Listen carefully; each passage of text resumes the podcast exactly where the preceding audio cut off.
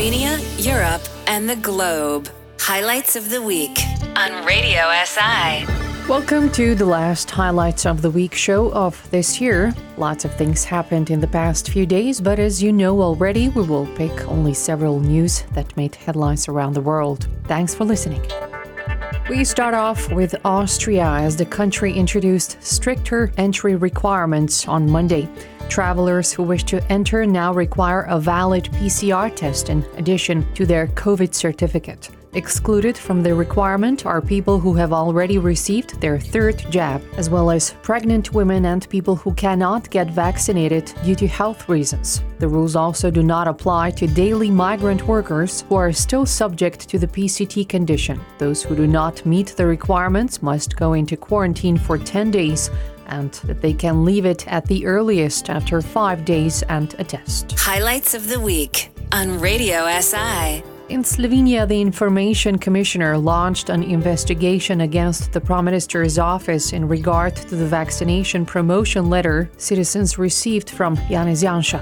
According to Mojca Prelesnik, the office will have to explain how the personal data needed to address the letters was obtained and the legal basis used for this. Pojasnitev tako pravne podlage za obdelavo osebnih podatkov, kot tudi kako je prišlo do te obdelave osebnih podatkov, če in ali kdo ima dostop do teh zbirk osebnih podatkov. Ahead of the Christmas holidays, citizens have received letters in which Prime Minister Janša thanked those who have been vaccinated for getting jabbed, as well as urged the unvaccinated to reconsider this.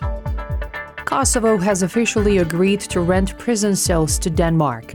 Both countries have moved another step closer to finalize the deal after a visit by the Danish Justice Minister to Kosovo. He said Denmark has a problem with overcrowding in its jails and that the deal would help ease that problem. It's an agreement that I think will benefit both of us. The Danish prison service is very severely overburdened Kosovo has agreed to rent 300 prison cells to Denmark for an annual fee of 15 million euros.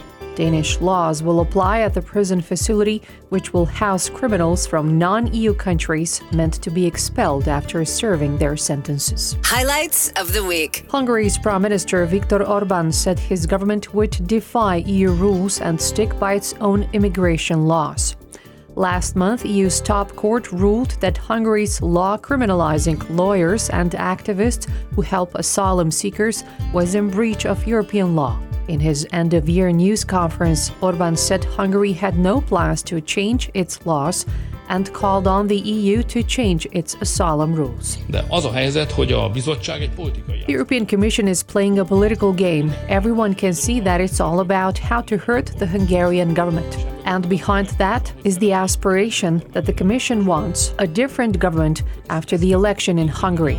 They see this as a means by which they can support the Hungarian opposition or attack our government.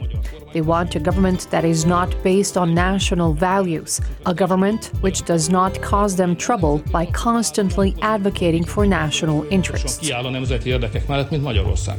In his speech, Prime Minister Orban also accused the European Union of withholding pandemic funds. Coming back to Slovenia, on Wednesday and Thursday, the government passed new coronavirus restrictions. The mandatory quarantine regime in the country has been tightened up. Only people who have received a booster jab are exempted from mandatory self isolation after a high risk contact. Head of the advisory group at the Ministry of Health, Mateja Logar. We shouldn't generalize everything now, assuming that all those who have been in contact with someone who is positive and are vaccinated or have recovered from the virus should go to quarantine. As of Friday, PCR tests will be valid for 48 hours and rapid antigen tests 24 hours, while the number of people in stores is now limited to one person per 10 square meters. For Christmas and New Year's, private gatherings of members of no more than three households will be allowed. There will be no outdoor celebrations on New Year's Eve, but parties will be allowed at indoor venues as the bar curfew was lifted just for that night. Slovenia, Europe, and the globe. Highlights of the week on Radio SI. A famous statue at the University of Hong Kong marking the Tiananmen Square events in 1989 has been removed. It was one of the few remaining public memorials in Hong Kong commemorating the incident in which reports say hundreds, possibly even thousands, of demonstrators were killed by Chinese troops in Beijing in the summer of 1989. Sculptor Jens Galschiøt. This is my sculpture and it's my property. So, in the moment they are destroying uh, artwork who belong to a foreign artist, and I think uh, maybe this is a new case. And of course, we will try to protect our property in Hong Kong and even sue them if this, this is necessary. The 8 meter pillar of shame statue was removed by workers overnight. This is a symbol of, of the democracy movement in Hong Kong. It's a symbol of what happened inside China in Tiananmen. So, and I think this is the last man standing nearly. So, this is a sad day for me and for democracy in Hong Kong. The monument has stood for over two decades, initially at Hong Kong's Victoria Park before being moved to the University of Hong Kong on a long term basis. These are the reactions of some students. For me, it is like, uh, or many, many people who study in University of Hong Kong before, they have uh, treat this as part of the university because it's uh, given the, the symbols also is kind of is, is a uh, the symbols of whether it still have freedom of speech in Hong Kong. I don't think people would expect this thing will happen in the university, so called with uh, the most freedom of expression or freedom of speech. And uh, they try to become the first one to remove every history or parts of history inside the campus.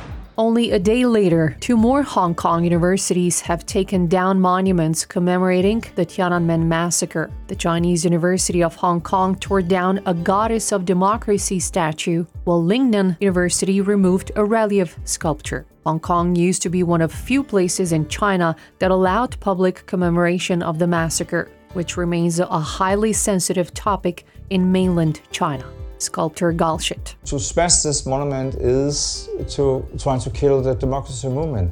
And I think they sent a symbol out to the people of Hong Kong and say, don't do anything about human rights. If you do that, then we kill you, then we put you in jail, and then we crash you what, what we do with your, your sculpture. The removal of the statues comes as Beijing increasingly cracks down on political dissent in Hong Kong. That was it for the last highlights of the week show of this year. We'll be back in 2022. Happy holidays and Happy New Year. The most important news from Slovenia, Europe, and around the globe. Highlights of the week. Saturdays at 225 on Radio SI.